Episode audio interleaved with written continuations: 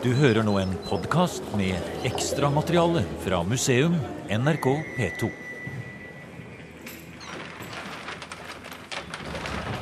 fick vi förut köpa två sådana här kartblad eh, för att få med den här informationen. Men som arkeolog så föredrar jag ju de här.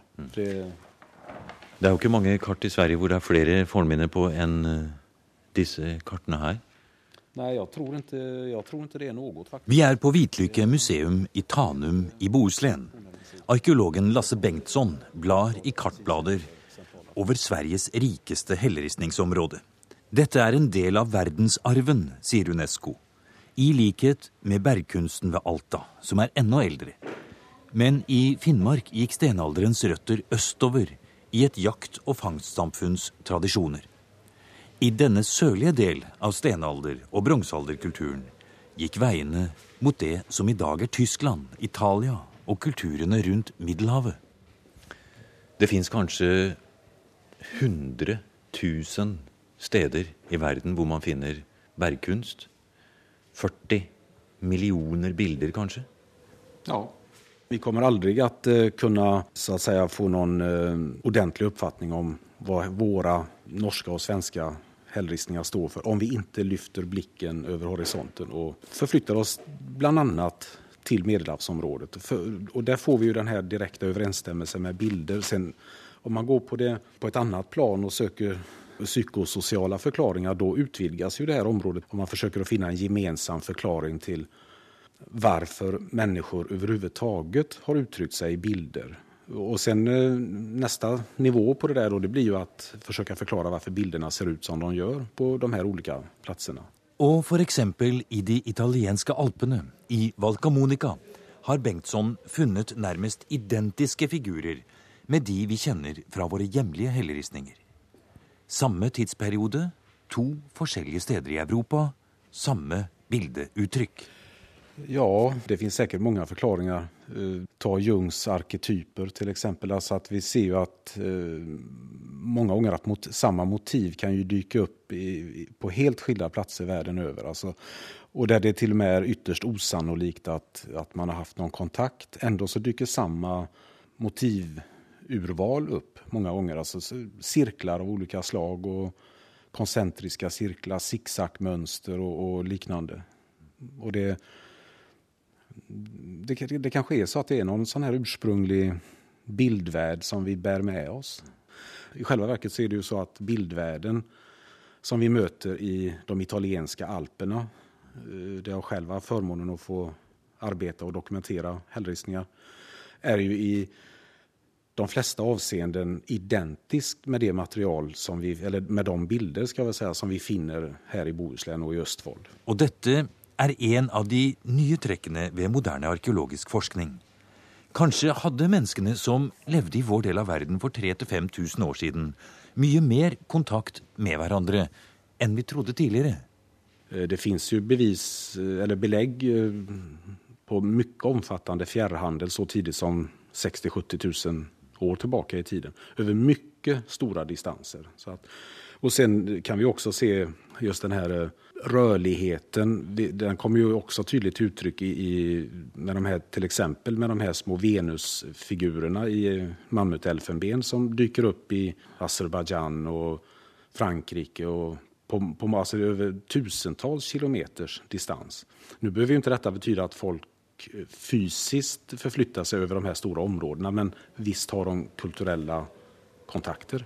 Og vi snakker om hvordan disse kulturelle kontaktene kan forklare hvorfor man i Finnmark og i Nord-Skandinavia hugger bilder i fjellet før man gjør det lenger syd. I disse områdene brukte man kanskje andre teknikker, som å skjære i tre eller utsmykke organisk materiale, som for en stor del er tapt i dag. Og vi snakker om hvordan bergkunsten opphører rundt 500 før Kristus. Som en konsekvens av nye impulser. Jernet kommer och demokratiserar samfunnet. En viktig sak som sker på inter, alltså vad man ser över hela Europa eh, så är det ju att järnet kommer. Och i och med det så kan man väl säga kanske att metallhanteringen som tidigare hade behärskats eh, av en eh, aristokrati som, som så att säga satt på gruvorna, på transportvägarna, på tekniken, på magin bakom detta. De sitter plötsligt eh, med en teknik som ingen vill ha längre. Järnet kommer på bred front. Järnet är, ett, är en demokratisk metall i så mått att eh, den är eh, relativt lätt att utvinna för vem som helst. Det är relativt lätt att framställa järn. Och även relativt lätt att smida, i alla fall om inte vackra så åtminstone användbara saker. Och då, då faller det här brons och kopparmonopolet som, som har behärskat Europa i, i, i ja, sedan 2500 före Kristus. Och, då, då, och ännu längre när det gäller ren koppar. Eh, då faller de här strukturerna samman. Och det där speglas på många sätt i samhället med eh, liksom nya religiösa uttryck och, och eh, nya, ett förändrat gravskick och så vidare. Så det, en gammal aristokrati försvinner, eller uttrycken för dem försvinner i varje fall. Och det sker en till synes en demokratisering. Vi har ju till exempel vid den här tiden då alltså eh, runt 500-600 före Kristus så har man ju någon slags demokrati i Grekland. är ju införd. Den gäller ju för all del inte slavar och kvinnor men för fria män är det ju faktiskt någon slags demokrati. Och vi har ju liknande eller motsvarande saker i Rom, i alla fall till en början med innan eh, innan eh, kejsardömet då införs. Eh, och naturligtvis är det så att den här demokratiseringen den avklingar ju efter en tid och, och, de gamla strukturerna och den gamla aristokratin ersätts av en ny. Eh, ja, alltså en grupp hövdingar och makthavare som skapar, alltså, eller ackumulerar oerhört mycket egen personlig makt. Och det kommer ju väldigt tydligt till uttryck i vikingatiden. De aristokratiske bronsealderskikkene opphører langsomt, och med dem helleristningene. Men det fascinerande är hur selve symbolbruken inte ändrar sig så mycket från stenalder och framover i bronsealderen.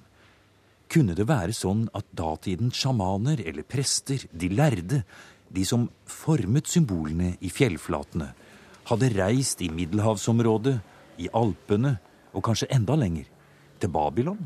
Til Stonehenge? Ja, det kan man inte alls utesluta. Jag tror att vi har en tendens, eh, särskilt här i Norden, att tro att vi, eh, bara för att det har varit så under eh, alltså historisk tid, att vi har varit ett marginalområde, så behöver vi inte alltid ha varit det och framförallt kanske inte under de här tiderna, alltså bronsåldern som vi talar om. Eh, det fanns människor i samhället som reste mycket och som reste långt. Och vi accepterar ju gladeligt att, att vikingarna reste eller for till Grönland och Amerika och sånt där. Eh, det är naturligtvis så att deras skepp, deras båtar var i teknologiskt avseende bättre rustade för en sån resa men under bronsåldern så borde det inte ha varit några som helst problem att färdas till England om man nu ville det. Men allting pekar ju i och för sig på att de kulturella kontakterna snarare gick i riktning eh, mot eh, alpområdet och, och, Balkan, södra Tyskland och så vidare. Men vi har inte mycket, i alla fall inte i materiellt avseende, mycket, eh, inte många influenser ifrån just England. Men teknologiskt så hade man mycket väl kunnat ta sig dit om man ville. Siden museet i Hvitlyk i Bohuslän er et verdensarvmuseum, er Lasse Bengtsson svært opptatt av sammenhengen mellom de nordiske helleristningene og kulturhistorien i resten av verden. En stor italiensk utstilling viser urbildenes felles historie. Trådene til helleristningene i Valcamonica er tydelige, ikke minst gjennom den sammenlignende forskning Bengtsson selv gjør i Italia. Ja, mange, mange av de her eh, urgamla bilderna är ju häpnadsväckande, häpnadsväckande moderna i, sin framst i sitt framställningssätt. Och det gäller ju inte bara den här klippkonsten utan det gäller ju även mycket inom skulptur och, och liknande. Kanske vi har ett, eh, en måte att uttrycka oss på som ligger djupt eh, inne i vår, vår natur? Ja, det är ju ett intryck som är lätt att få. Om man skulle acceptera det så är det ju någonting som förklarar väldigt mycket om det är på det sättet. Det är ju faktiskt så att jag har ändå arbetat med hällristningar i, här i Bohuslän i 15 år och Jag tror inte jag kan påminna mig att jag har någonsin mött en människa som har varit fullständigt likgiltig inför hällristningar. Som inte har liksom... Alla blir naturligtvis inte entusiastiska men alla berörs på något sätt. Och, och all, alla människor som kommer att se de här bilderna förhåller sig till dem på ett eller annat sätt. Alltså, antingen som en arkeologisk kulturminneslämning eller som bilder och uttryck för, för känslor och för eh, magi och, och annat. Nu arbetar ju du också mycket med hur människorna levde, tänkte och uppförde sig på denna tiden, inte bara på den, de tekniska uttrycken och hur hällristningarna blev till. Och kan det hända att uh, de som levde før oss för en 3 4 000 år sedan kanske inte var så fryktelig annorlunda än det vi är? Nej, alltså, eh, absolut inte. I genetiskt avseende så är det absolut ingenting som skiljer oss åt. Alltså, vi, ju, vi kan mycket mer idag om vissa saker som man inte kunde för 3000 år sedan. Å andra sidan så har vi ju tappat mycket kunskap som de hade. Så att vi eh, fick vi, om du lyckades väcka liv i en människa från bronsåldern och, och klädde i honom en kostym då, om det var en man så skulle du inte se någon skillnad mm. överhuvudtaget. Men hvis du spurte vedkommende om å forklare eh, begreper eller eh, andre ting, så ville du kanskje oppdage at eh, vår vitenskapelige trang til å forklare alt eh, på vitenskapelig måte, det er kanskje noe litt nytt i måten vi tenker på. For det var kanskje mer en eh, akseptering av det abstrakte, och att inte allt varken skal eller kunde förklaras? Absolut. Helt, absolut är det så. Eh, det, det, jag menar det här, vårt förhållande idag till, till, till det här, det är någonting som man började grundlägga på 1700-talet när man skulle eh, liksom försöka utröna, utröna naturens innersta väsen. Och på samma sätt kan man väl säga att det eh, är med religion. Idag väljer ju vi om vi vill tillhöra en religion och vi väljer i så fall vilken. Vi kan också välja att inte vara religiösa eller med i något samfund eller intressera oss för, för religion under bronsåldern så är man inte religiös. Alltså det finns ingen religion på det sättet. Man väljer inte om man vill tro eller inte tro för att de här gudarna, det, det, de är inte föremål, eller den gudavärlden som fanns, det var ingenting som var föremål för en, eh, en teologisk diskussion utan det var en del av verkligheten. Precis som solen idag för, eh, är ju för oss, det är en del av verkligheten. Vi tror inte att det är en, en gud men, utan vi accepterar att den finns där och den eh, och på samma sätt var det med de här gudarna. De, man trodde inte på dem utan det fanns, eh, de var en del av vardagen och verkligheten. Vi står i biblioteket i Vitlykke. Runt oss är det glassmontre med böcker. Böcker som också visar hur ung denna forskningen är. För inte så länge sedan blev hällristningarna tolket helt konkret. Bengtsson tar upp nycklarna och går mot ett skap tar du fram en nokså slitt och fin eh, bok. Lägg den på møtebordet här. Her är det helleristninger utover, lysbilder, masse ting som skjer. Och här blar du nå fram Detta är ju bronsealderfunn. Ja, Montelius införde ju, som vi ser här i boken, ett eh, system där han delade in bronsåldern i sex perioder. Ja, för om vi ser lite på hur de första historikerna uppfattat helleristningene, så begynte man å lete seg fram tilbake i tid. Hva kunne dette bety? Man så skip, man tenkte vikingtid, og trodde at i noen tilfeller at dette var rett og slett eh, en slags eh, fremstilling av berømte slag fra vikingtid. Ja, det var den här historiska tolkningssynen som, eh, som man hade under ja, mitten av 1800-talet och även något senare, där man precis som du säger föreställde sig att, att eh, hällristningarna avbildade verkliga händelser. Och eftersom det var mycket skepp och man visste att vikingarna hade färdats i skepp, man hade hittat deras skepp ibland och så vidare, och så, så blev det ju ganska naturligt att man under en tid trodde att det här var vikingaflotter som var ute og, på plundringståg. Men det var det alltså ikke, för det var skip både i konkret och overført betydning. Det diskuterar arkeologerna vad skipene egentlig symboliserer. Kanskje begge deler. Og går vi enda lenger inn i helleristningenes motivverden, så finner vi jo sagn, myter, begreper som vi finner flere tusen år tilbake fra middelhavsområdet. Ja, det är riktigt. Det, det förefaller ju som den här indoeuropeiska, vad vi nu ska kalla det, alltså invasion är ju fel ord för att vi vet ju inte riktigt hur det har gått till men eh, de indoeuropeiska influenserna kan man väl då säga att, att det verkar, det förefaller ju som så att det har fört med sig en relativt gemensam kosmologi över mycket stora delar av Europa. Och det betyder att gudavärlden är i stort sett eh, identisk över långa avstånd. Naturligtvis eh, är det olika namn på gudarna men de har ofta samma funktioner och samma attribut. Och till och med det vår norrøne mytologi med Tor, Odin och allt detta här, det finner vi ju också på en måte forløpere for innenfor eh, den mytologin vi nu snackar om och som ger sig uttryck på Bronsålderns fjällflator. Oh ja, inte bara funktionellt. Vi har ju till exempel vädergudar eller åskgudar i hetitiskt material och, och även ja, sumeriskt och vad du vill egentligen kring det området. Men faktiskt så är det också rent bildmässigt identiskt i, i många fall. Den hetitiska väderguden avbildas till exempel åkande i en stridsvagn. Kan det verkligen stämma att människorna i dagtidens Europa, för att bruka det uttrycket, hade stor kontakt med varandra? Eh, det är ingen tvekan om att de hade det. Det, fram, det framgår ju tydligt, inte bara på, på hällristningen utan också om vi tittar på bronsföremål från den här tiden. Där, där vi här i Norden hittar föremål ibland som så att säga bevisligen är tillverkade på, på Balkan eller i alpområdet och som sen då har färdats hit rent fysiskt med, genom handel och gåvoutbyte och på många olika sätt. Så uh, ordet globalisering är uh, Ja, ordet är väl, ordet är väl nytt, men ja, fenomenet? Fenomenet är inte nytt. Och det gäller ju också um, i högsta grad EU som ja. ju är en uh, europeisk sammanslutning då för, hand, för att främja handel och, och så vidare och kulturella kontakter. Och det, det, där har vi väldigt tydliga belägg för redan under bronsåldern. Alltså, så att det...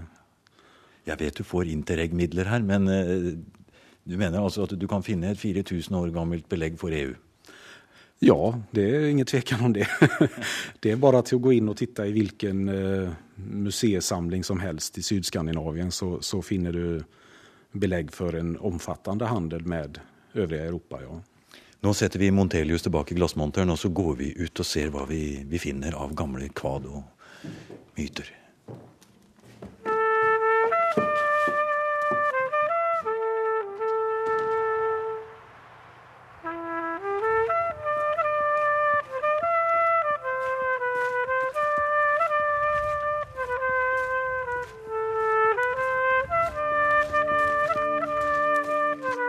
I boken 'Helleristninger i grensbygd', skrevet av den norske arkeologen Anne Sofie Hygen og Lasse Bengtsson, fortelles eposet om Gilgamesh som en del av den verdensarven bergkunsten forteller.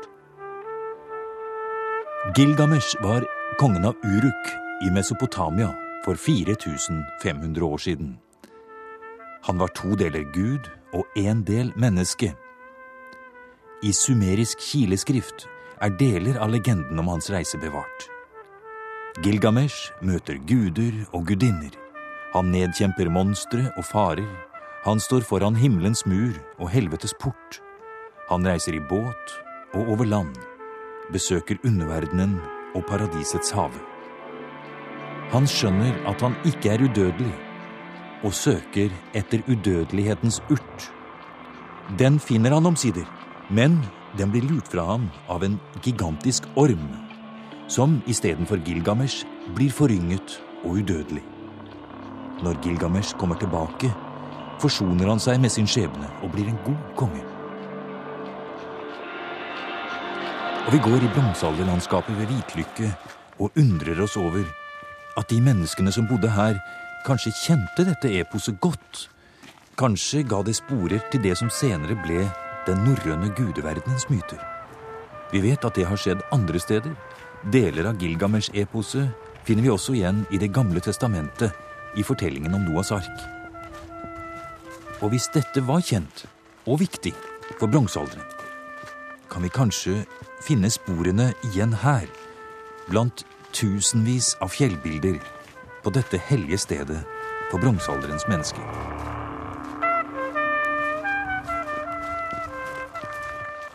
Hele området skråner ned der. Man kan tenke seg at man som en eh, sjaman eller nær sagt prest kunne stått her oppe og sett utover på en forsamling hvor det kunne bli plass til, det kunne bli plass til noen hundre mennesker her i en seremoni. Oh ja, det finns det gott, gott om plats Her kommer vi inn på en treplattform, og her er det en slange, ja, som kryper av sted over fjellet. Den er en, minst en meter lang og kryper mot et eh, menneske. Ormen börjar dyka upp i, nordisk, eh, på nordiska hällristningar ganska sent, alltså kanske runt 1000-1200 före Kristus. Och det skulle ju sammanfalla, sammanfalla rätt så hyggligt med, med Gilgamesh-eposet. Men kan det også være her vi finner Nidhogg, kanskje? Ja, den store slangen som ligger ved foten av Yggdrasil. ja, och det är väl ingen slump att, att, den, eh, att ormen just har fått den här, eh, det här dåliga ryktet så att säga. Eh, mycket är det väl också beroende på att ormens förmåga att försvinna ner i jorden, alltså det är en, en underjordisk varelse. Men jag är övertygad om att ursprunget till Nidhugg finns här. Alltså de, det finns en väldigt, enligt min uppfattning, en väldigt tydlig koppling mellan det vi kallar för asamyter och som vi envisas många gånger med att påstå att det är nordisk mytologi så är ju naturligtvis inte fallet. Det, det är absolut inte något specifikt nordisk mytologi. Vi finner den bland annat i just det här området vi talar om, alltså i Sumer och Babylon och eh, Mesopotamien. Det finns en, enligt min uppfattning en tydlig koppling mellan hällristningarnas bilder och det vi kallar för asamytologin.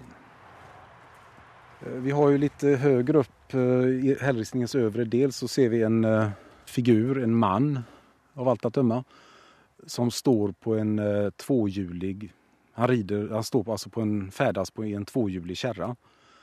På huvudet har han horn och framför honom så ser vi en, någonting som antingen är en blixt eller en avbildning av just en orm. Men jag skulle väl tippa på en blixt.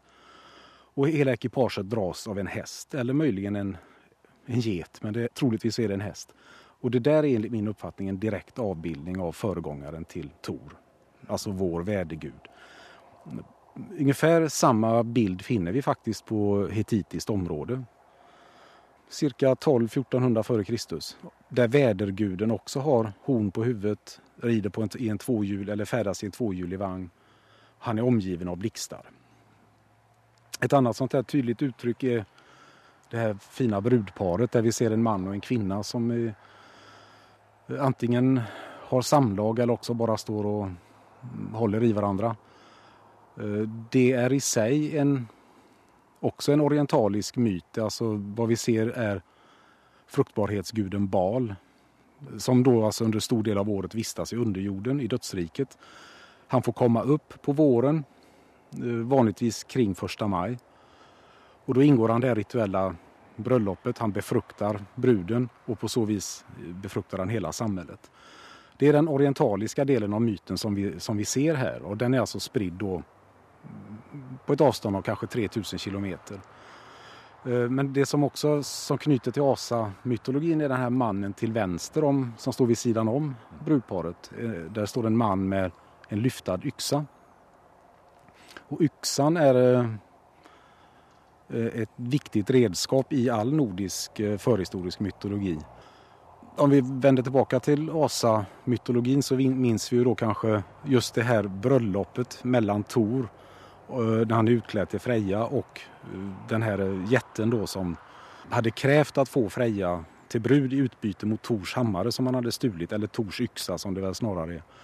Och då går han dit, färdas till Jotunheimen och Mm, ingår det här, eller skall ingå äktenskapet. Och precis när det ska ske så ropar Loke att bär in hammaren, eller in bären hammaren brud att viga.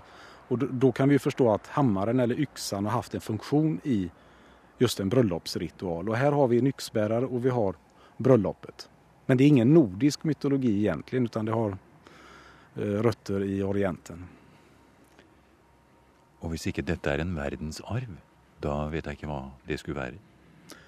Nej, det är ett... Eh, det är nog ett bra uttryck, ja. Världsarv. Det här är något som är gemensamt för i alla fall en stor del av världen.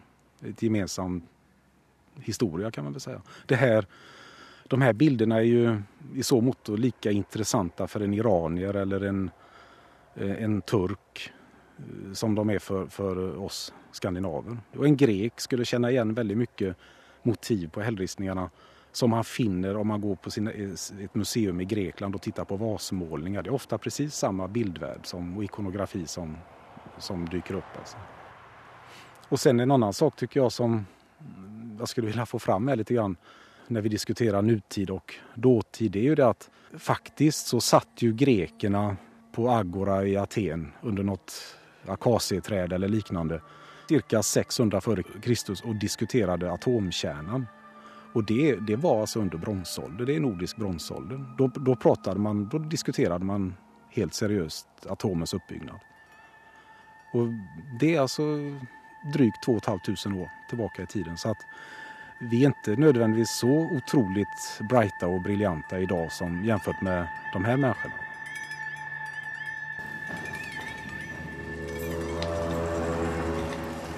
Du har nå hørt programmet Museum som podkast fra NRK. Museum sendes i NRK P2 på lørdager klokken 16.03 og søndager klokken 08.03. Hvis du vil, kan du abonnere på Museum podkast i iTunes. Jeg vil gjerne ha dine synspunkter på programmet. Send kommentarer eller tips til museum.krøllalfa.nrk.no.